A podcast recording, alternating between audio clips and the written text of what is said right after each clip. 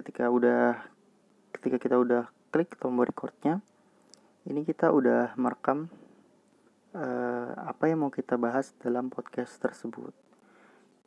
Karena uh, podcast ini biasanya berjam bisa sampai satu jam atau satu jam lebih durasi di sini juga bisa panjang.